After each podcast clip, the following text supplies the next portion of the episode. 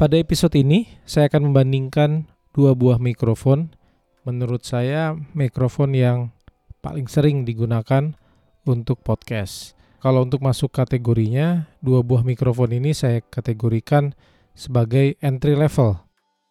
Pada kesempatan ini yang akan saya review adalah mikrofon Samsung Q7 dan Shure SM58.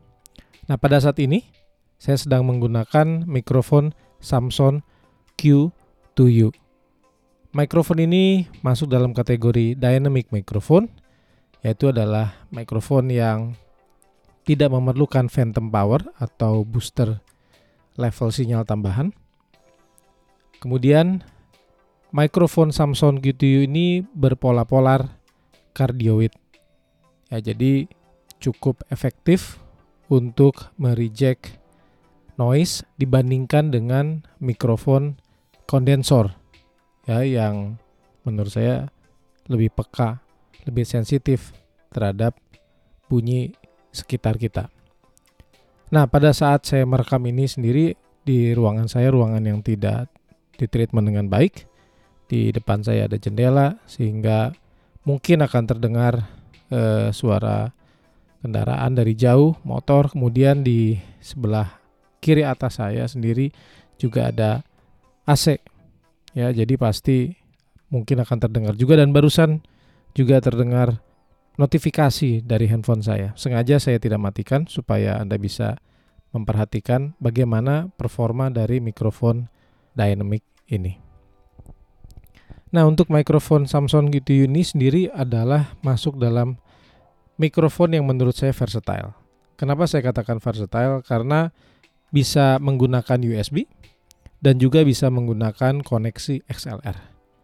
Pernah dibahas di episode-episode sebelumnya bahwa performa USB tidak kalah juga dengan XLR biarpun menurut saya pribadi jelas ada perbedaannya juga ya. Sedangkan untuk menggunakan koneksi XLR saya harus menggunakan audio interface dan kemudian akan dihubungkan ke komputer yang kita gunakan. Untuk Samsung Q2U ini sendiri harganya saya temukan di salah satu tempat belanja online itu sekitar 1.080.000, harga yang sangat terjangkau dan merupakan salah satu best buy untuk mikrofon untuk podcaster pemula. Ya, saya sendiri menggunakan itu dan ketika saya memulai podcast, saya sangat mengandalkan mikrofon ini yang sekarang saya sedang gunakan. Mikrofon ini juga menurut saya dilihat dari sisi harga, menurut saya cukup bersahabat. Mengingat ketika kita membeli ada beberapa aksesoris yang kita akan dapatkan dengan harga Rp1.080.000 yaitu kita mendapatkan kabel XLR, kita mendapatkan kabel USB, kita mendapatkan mikrofon stand yang kecil ya tripod kecil. Kemudian ada juga windscreen dan mic clip. Kalau untuk paket di beberapa waktu yang lalu, mungkin sekitar 2 tahun, 3 tahun yang lalu, bahkan di dalam paketnya kita akan mendapatkan Samsung HPO headphones. Wah, lumayan banget ya. Harganya 1 juta sekian, tapi kita dapat beberapa aksesoris. Pada bagian bawah mikrofon itu terdapat beberapa fitur. Yang pertama XLR jelas untuk menyambungkan dengan kabel XLR untuk ke audio interface. Kemudian yang berikutnya juga ada konektor micro USB. Ini pada bagian bawah dari mikrofon Samsung Q2U. Kemudian juga ada headphone jack sehingga kita bisa memonitor level atau volume dari mikrofon yang kita gunakan pada saat kita menggunakan micro USB. Jadi kalau pada penggunaan micro USB, Anda tinggal hubungkan kabel tersebut ke laptop, ke komputer yang kita gunakan, kemudian kita setting di sistem preferences, kebetulan saya pakai laptop Mac, dan kemudian kita tinggal pilih saja untuk output atau untuk input Samsung Q2U dan performanya menurut saya baik. Berikutnya, saya akan bandingkan dengan mikrofon Shure SM58 berikut ini. Saat ini saya menggunakan mikrofon Dynamic Shure SM58. Mikrofon ini kalau Anda lihat bentuknya adalah mikrofon sejuta umat. Bahkan ketika dulu saya main musik, rasanya tidak mungkin kalau saya belum pernah melihat mikrofon Shure SM58. Di dalam perjalanan musik saya dulu, di panggung, di studio, ketika lagi latihan atau ketika lagi main di uh, klub, main di cafe di Bandung, pasti ada mikrofon Shure SM58. Mikrofon ini berpola polar kardioid, masuk dalam kategori dynamic microphone, ya. Jadi sensitivitasnya lebih rendah daripada mikrofon kondensor, sehingga sangat efektif kalau menggunakan mikrofon ini untuk membuat podcast. Kemudian frekuensi responnya mulai dari 50 Hz sampai 15.000 Hz. Mikrofon ini mikrofon yang menurut saya menjadi salah satu mikrofon wajib untuk penggemar audio pemula untuk bisa dimiliki. Mikrofon Shure SM58 dapat dikatakan adalah sahabat bagi para vokalis.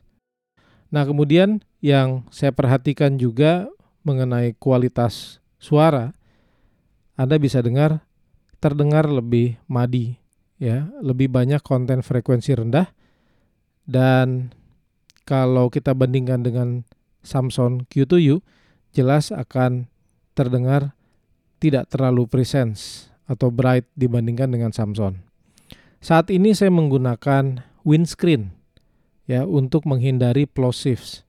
Ya, jadi ketika saya mengucapkan P atau B seperti saya berikan contoh ya, papa, bapa, papa, bapa, Papua, kacang, Bogor, Batagor, ya saya sengaja mengucapkan beberapa kata yang ada unsur B dan P, b, b, b, itu tidak ada plosive ya karena saya sudah menggunakan uh, windscreen. Begitu pula di mikrofon yang sebelumnya saya gunakan yaitu Samsung Q2U.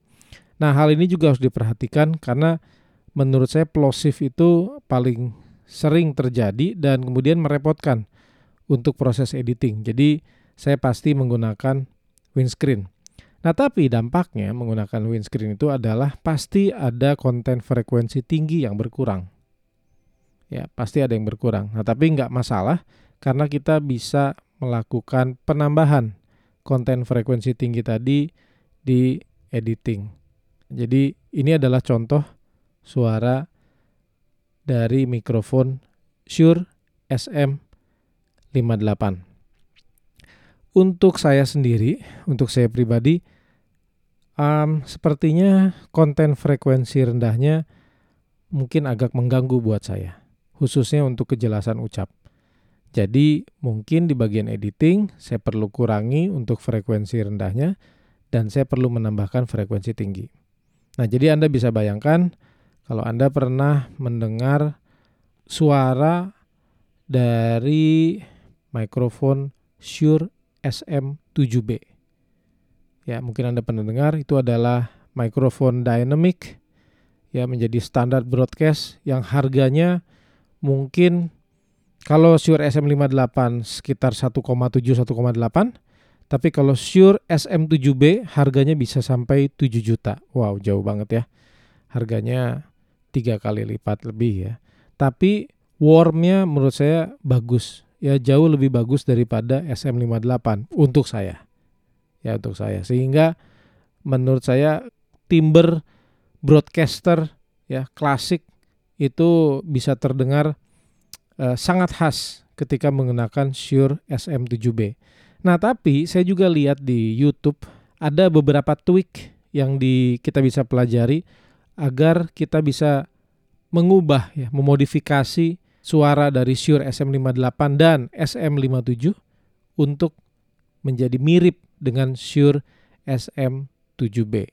Ya, karena pada dasarnya materialnya yang digunakan mirip. Begitu kira-kira penjelasan dari salah satu channel YouTube yang saya lihat.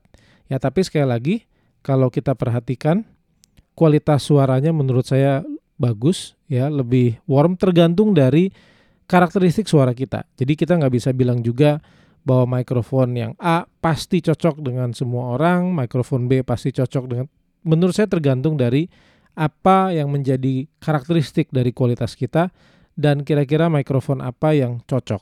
Saya harus mencoba berbagai macam mikrofon dan menentukan mana yang kira-kira cocok. Begitu. Ya, jadi ini adalah contoh suara dari mikrofon Dynamic Shure SM58. Sekarang kita akan kembali lagi untuk mendengarkan kualitas dari Samsung Q2U.